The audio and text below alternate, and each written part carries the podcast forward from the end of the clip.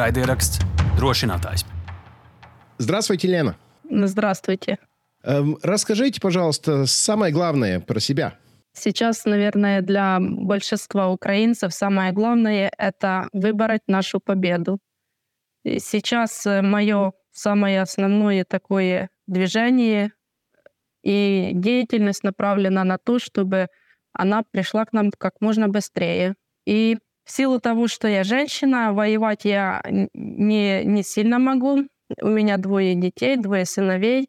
И я для себя решила, что для меня будет правильно э, работать здесь. Здесь мы работаем волонтерством, мы помогаем военным. Я официально волонтер благотворительного фонда «Дублин», но мое направление такое продуктовое. Мы собираем продуктовую помощь и передаем нашим воинам, нашим защитникам на фронт.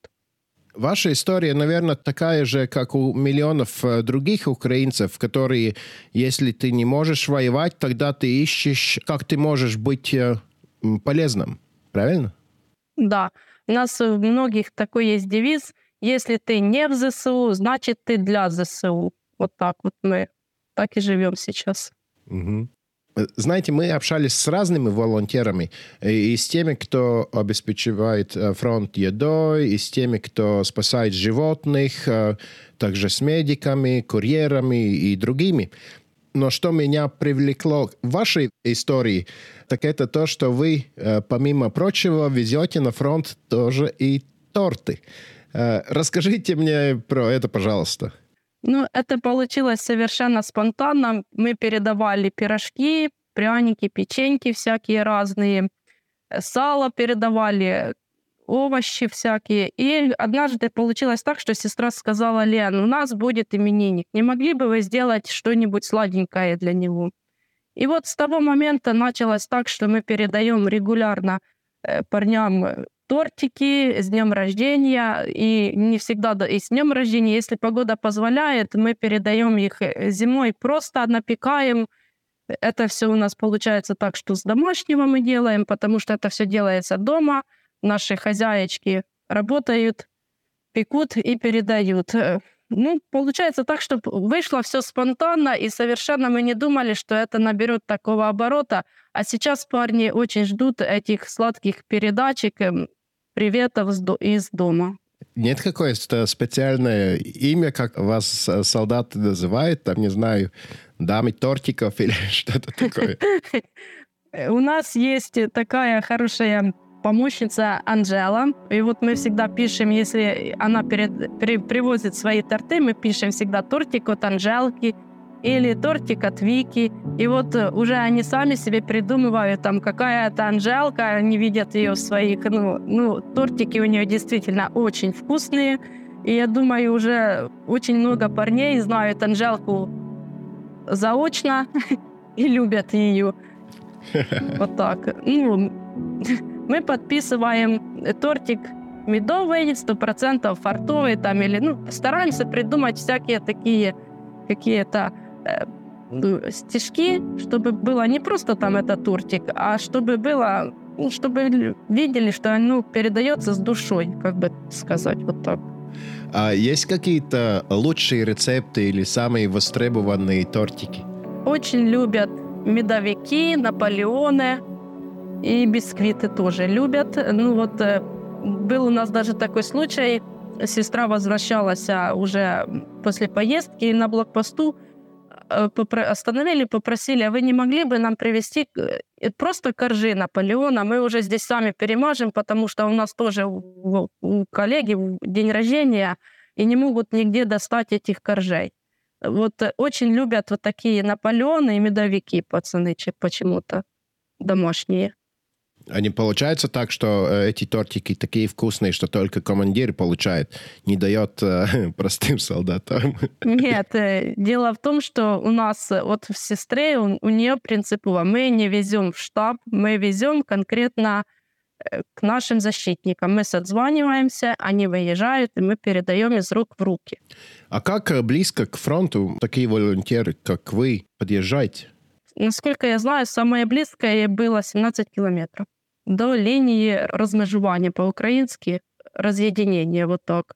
Так что к вам подъезжают, чтобы вам не надо было в окопах сидеть, правильно? Дело в том, что вот все наши защитники, они очень бережно и очень переживают, когда мы к ним едем.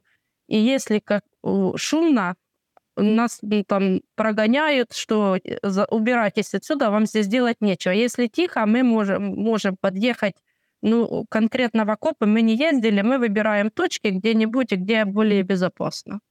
Вот так. И чтобы они могли вы, выехать, и мы туда подъехать, и чтобы все прошло тихо и спокойно. Вот. Как вообще меняется значение дня рождения на войне? Ну, нам вот здесь, э, в тылу, для нас сейчас день рождения — это ничто, это не праздник. Мы все ждем победы, чтобы потом мы могли праздновать и, и дни рождения, и победу. А на войне, когда вот туда приезжаешь, понимаешь, что там совсем по-другому на все смотришь. Там ты не знаешь, что будет завтра и будет ли завтра вообще. И надо жить одним днем. И вот если у нас получается приехать туда и передать тот самый тортик из дома с домашним теплом, с какими-то своими эмоциями, мы очень рады этому. И парни тоже очень радуются тому. И есть у нас и девушки тоже, медики, парамедики там есть, которым мы тоже передавали. Ну вот, понимаете, не знаю, как вам объяснить, но там все по-другому. На все смотришь под другим углом. И все оценивается по-другому. И тот самый тортик, на который дома, ну, есть он и есть, на него, ну, ну хорошо, если есть, а там все по-другому. Те самые, вот сейчас начался сезон яблоки, там сливы, груши. Дома мы их не замечаем. Мы живем в деревне, он, оно у нас падает и лежит прямо на земле, мы этого не замечаем. Не... Есть и есть. Но когда мы привозим туда вот эти домашние яблочки, они берут их э, в руки, нюхают э, и вот едят с удовольствием, ты понимаешь тогда, что ну, вот все оценивается немного не так, как сейчас у нас здесь, в тылу. Война — это война, но все время ты не можешь быть э, напрягнутым. Тебе надо какие-то поводы, чтобы немножко отвлечься. Так получается? Да, получается так. И парни, они выезжают к нам не столько, что им там надо, чтобы мы что-то передали, а просто чтобы увидеть, пообщаться. Первые вопросы, как там дома, какая погода, ну, мы, расскажите, что у вас там случилось. И вот им интересно, что у нас тут делается. Они всегда приезжают с хорошими настроениями, с улыбками на лице. Хотя э, мы не знаем, что у них было вот вчера, допустим, да, где они были и что они делали. Угу. Они никогда не показывают, что они устали. Это можно видеть только по их глазах что есть какая-то усталость. Когда мы приезжаем, первым делом у нас идут обнимашки. Мы передаем таким образом частичку тепла из, из дома. И вот каждый, когда мы обнимаемся, каждый видит э, своего кого-то, кого бы он хотел обнять дома. Понимаете, вот так получается. Вот так мы передаем какие-то свои посылы, такие эмоции. Э, когда мы говорили вот про празднование день рождения, как это вообще э, происходит? Вы, знаете, ну как э, можно праздновать день рождения в окопах, чтобы это было безопасно? Ну вот мы приезжаем, сестра берет тортик и начинает там петь «Happy birthday to you», «Happy birthday to you». Когда приехали, тогда и поздравили. Ну, она там вот, вот это все складно сочиняет. Ну, я думаю, что парни с чайком каким-то вот, вот эти тортики берут и потом... А может быть, даже до чайка дело и не доходит, потому что э, не всегда есть возможность, и не всегда, вот, э, видя эти тортики, они доживают до того момента, когда у них нагреется этот чаек.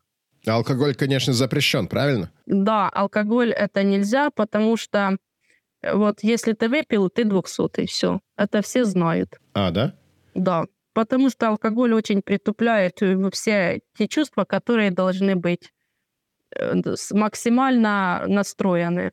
Во-первых, э, алкоголь перевозить совершенно нельзя, это нам тюрьма. 7 лет минимум. Ого. Это все очень принцип, принципиально, и никогда мы таким не занимались и не делали. И все передачки, которые передают вот персонально кому-то, они проверяются, чтобы не было потом каких-то на блокпостах нюансов, когда достают и говорят, это нельзя, и это как бы криминально наказуемо. Это все очень жестко. И ну, вот все знают, что если выпил, то ты двухсотый. И под, поэтому к, к этому все относятся очень серьезно. И, ну, вот, в общем, я, я думаю, не нарушает, потому что жить-то хочется всем и жить дальше в нашей свободной стране. Вы это уже делаете почти с начала большой войны. Понятно, первые месяцы там, не знаешь, может быть, победа будет очень скоро, и все очень такие мобилизованные. Но война идет уже полтора года. Как э, обстановка у вас?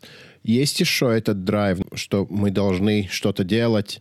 Наверное, есть усталость не только у солдат, но у вас, волонтеров, тоже.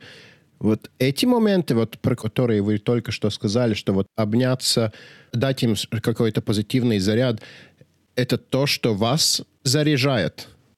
Да, вы знаете, я на фронте я начала ездить э, недавно. Мне было достаточно раньше того, что я вот здесь э, организовываю, собираю все, помогаю, пеку э, на машину. Вот, вот, этих, вот этого мне было достаточно. Потом в какой-то момент я поняла, что мне надо попасть туда.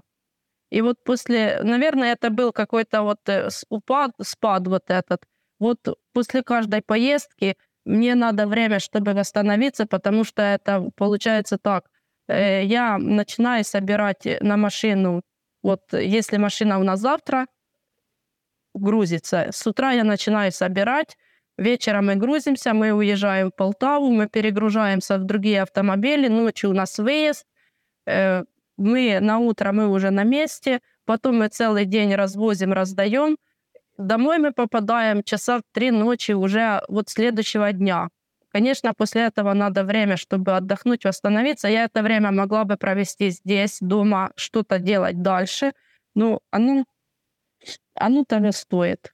Вот, вот эта усталость, оно нужно. После каждой такой поездки приезжаешь и понимаешь, что ты не имеешь права опустить руки, остановиться, что-то думать, что ты какой-то усталый, потому что ты понимаешь, что ты тут не устал против того, что ты видишь там. Вот там действительно устают. А мы здесь, мы здесь можем отдохнуть. Мы спим в своих постелях. Мы не слышим здесь взрывов.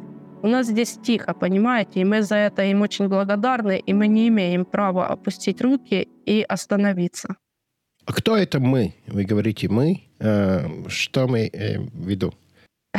Мы — это те, кто живут в тылу и не слышат воев сирен вот этих и свист пролетающих снарядов. Все население, которое живет в тылу и может спокойно спать, есть, ходить в школу, на работу, водить детей в садочки свои, в садики. Понимаете, вот так. Но если говорить про ту помощь, э, которую вы посылаете на фронт, откуда она? И что там? Это люди. Э, сейчас вот начались уборки с огорода. Нам везут все. Картошку, лук, чеснок, бурячки, морковь, капусту. Мы это все... У нас есть погреб, где мы это складаем. Мы еще делаем такие заготовки. Мы называем его сухпай, но оно не, не совсем сухпай. Мы делаем в реторт-пакетах борщи, э, такое рагу борщевое, куда потом парни просто заливают кипятка, и получается две порции борща, которые они могут есть на выходе уже. То есть там, где они не, не, у них нет возможности готовить. Так, вот таким мы занимаемся. Это все получается так, что люди отдают свое. У нас есть фермеры, которые нам жертвуют кто поросенка, кто зерно на муку, кто подсолнечное масло, вот это все мы собираем по обычных людях, которые живут у нас в деревне. И как вам жертвовали там полтора года, год назад, так и сейчас жертвует? Кто что может, да? Ну вот в начале войны, конечно, все было более масштабно, было всего больше. Сейчас остались уже те люди, которые действительно понимают, что если не помогать, ничего не будет действительно, есть и у нас такие люди, для которых войны нет. К сожалению, это так. Эм, мы можем только надеяться, что таких меньшинство, а большинство таких, которые понимают, что надо помогать армии. И сейчас у нас тоже есть такие люди, которые жертвовали и нам в начале войны, и сейчас они жертвуют так само. Это и вот, вот хозяйство есть, фермера, есть простые люди, которые просто вот берут и каждый месяц мне, мне на карту, на, на счет сбрасывают энную сумму денег, даже если я не прошу, что мне надо на что-то собрать, они вот регулярно берут и сбрасывают, сбрасывают, сбрасывают. Вот таким людям я не устаю говорить спасибо за то, что вы есть, за то, что вы помогаете, несмотря ни на что, не дожидаясь, когда я буду просить о помощи. Есть такие, которые везут продукты, не дожидаясь, когда я буду, вот есть у нас такой хаб Криевка, мы его называем. Они просто оставляют все под дверью и уезжают. Я приезжаю, и только уже моя, моя задача остается все распределить по местам. Угу. Я понимаю, перед э, началом большой войны вы э, занимались тем, что организировали э, концерты в вашем селе, правильно? Да, да. Это моя основная работа. Так что получается, что это была такая логический переход в новой ситуации, что вы оказались э, одним из главных организаторов этой всей помощи. Ну, я говорю, так сошлись звезды. Так, вот именно на эту ситуацию. Так просто, наверное, так было надо где-то там. Что получилось так, что именно я начала все это организовывать у нас в деревне. А почему вы не уехали из Украины? Мы это даже не рассматривали. Такой вариант. Почему? Ну, потому что наше место здесь. Угу. Мы вот говорим, э, все село помогает и так далее. Э, расскажите, про какое место мы говорим? Э, значит, наше село называется Лутовиновка. Оно находится в центре Украины. Это Кременчугский район, Полтавская область. Ну вот у нас в Кременчуге проходит, есть речка Днепр, и вот там у нас получается, что Украина делится на правобережную и левобережную. То есть мы находимся в центре Украины. В нашем селе, в, нашем, в нашей Криевке – нам помогают э, где-то 11-12 сел. Ну, вот есть постоянные, которые постоянно привозят к нам как перевалочный пункт, где уже мы загружаемся и везем дальше. Есть такие, которые вот есть у них возможность, они помогли, привезли, потом они затихают, их нет, потом через какое-то время они снова появляются. Вот есть и такие, которые помогают так. Ну вот э, где-то 11-12 сел э, свозят и передаем это все помощь дальше. Ваше волонтерство это ну такое очень локальное, правильно так получается, что вот э, люди из местных сел сошлись вместе и вот э, делают то, что может. Ну да, мы своими силами. Мы не задавались целью каких-то организаций таких больших. Мы понимаем, что у больших организаций есть чем заняться и без нас. Вот мы как-то своими силами, но Последняя поездка была 38 точек выгрузки. Вот, э, ну, вот такое локальное, но нас хватает пока вместе на такие. То есть 38 раз к нам выехали, получили свой привет и уехали вот так.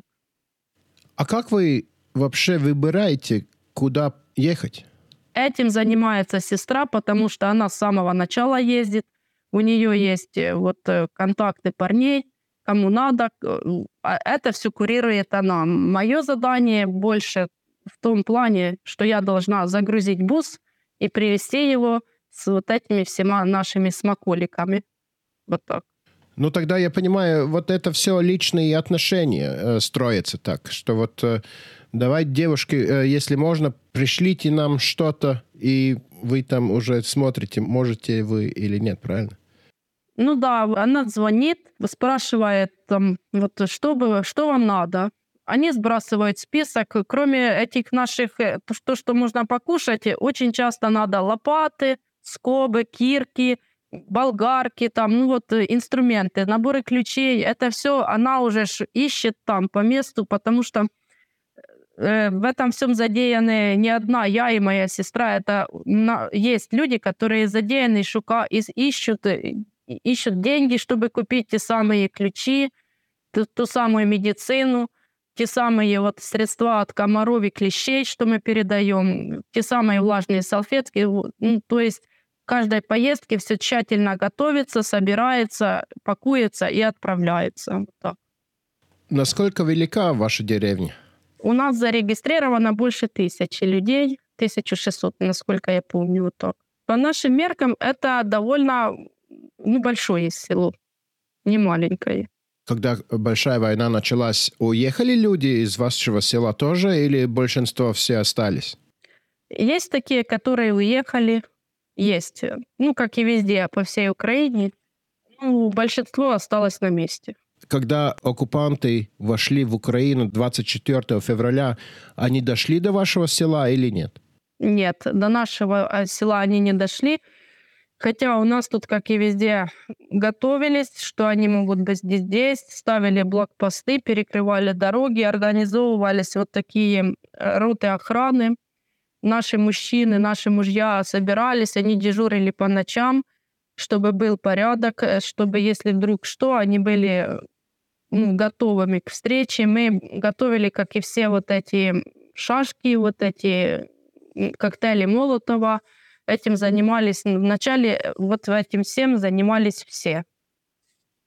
Потом уже оно понемногу, когда мы поняли, что начали их отодвигать, э, оно у нас, э, дежурства остались ночные, для, за порядком следили, потому что и комендантский час, и я как бы там, ну, чтобы был порядок, надо за всем следить, вот так.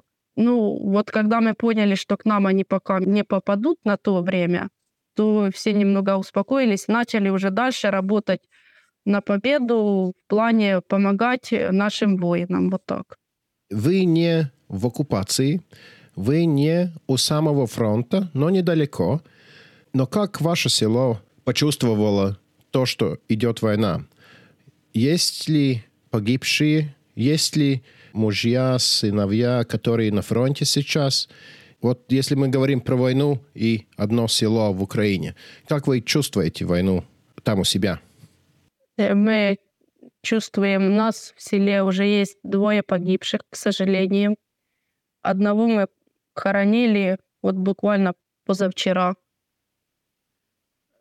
Это молодые парни, у которых еще вся жизнь должна была быть впереди, но их уже нет, к сожалению, с нами. Мы очень скорбим. Это были они в ЗСУ, да? Да, да, они были в ЗСУ. А, у нас много мобилизированных. Мой муж тоже сейчас мобилизирован. Он находится в ЗСУ. И вот это еще тоже добавляет сил, что надо работать, надо не останавливаться, надо делать все, чтобы наша победа была нашей победой. Ну и какое настроение сейчас у вас лично, у ваших э, соседей, друзей э, в, в селе, в Украине? Э, меня лично настроение не сдаваться, потому что я не имею права сдаваться. У меня двое сыновей, которые смотрят на меня. Если я дам слабину, они это сразу чувствуют, и сразу у них начинается тоже такое настроение не очень. Наш папа, он как бы сейчас он на учениях, ну, его забрали, и они мне помогают всячески, стараются помочь, и все вот мы все живем тем, что наша победа будет за нами. Нам не надо ничего другого, кроме победы. Все те, кто до сих пор не опустили руки, не сдались, они настроены тоже только на то, что да, может быть не так быстро, как нам бы хотелось, но наша победа будет за нами. И мы все не имеем права сдаваться, опускать руки. Мы все должны работать на победу, кто как может. Мы прекрасно понимаем вот э, с нашими вот этими передачками, что для победы нам надо оружие, хорошее оружие, чтобы мы могли победить. И нам нужны дроны, нам нужны, ну, нам надо оружие для победы. Ну, таким образом, Своими передачками мы тоже хоть хотим поддержать наших воинов, наших защитников, показать им, что они там не сами, что мы с ними вместе, что мы все разом. Все разом хотим победы, и все разом мы вот делаем каждый, кто что может для этой победы. Мы в Латвии тоже очень следим за то, что происходит. Э, в Латвии много людей, которые тоже доначат э, и машины везут, и одежду, и обувь, и собирают тоже там на дроны деньги и так далее. Так что знайте, что вы не одни. Спасибо вам большое. Спасибо. И мы очень желаем э, быстрейшую победу э, Украине. И Украина выиграет, это понятно. Вопрос только когда. Так что спасибо за то, что вы делаете. И знаете, что мы с вами. И Встретимся, когда война закончится. Спасибо вам за вашу поддержку. Спасибо. Вот вы знаете, это все ощущается. Вот эта поддержка, когда действительно нас поддерживает, это очень берет за душу. Вот мы, мы можем не плакать и вообще не моргнуть глазом, когда мы что-то слышим за наших противников. Но если мы видим вот эту помощь, которая идет из-за границы к нам, мы можем сесть и расплакаться, и потому что это очень, это очень дорого для нас, что нас не бросают, что нам помогают, кто как может помогает. Спасибо вам большое за это. Что вы хотели пожелать себе? Скорейшей победы, чтобы все наши вернулись. Ну, я понимаю, что так не будет, но очень хочется, чтобы все вернулись домой живыми и здоровыми. И чтобы могли э, есть э, вкусные тортики уже дома. Да. Ладно, дякую. Дякую і вам. Перемога буде за нами так і тільки так. Всього найкращого. До побачення.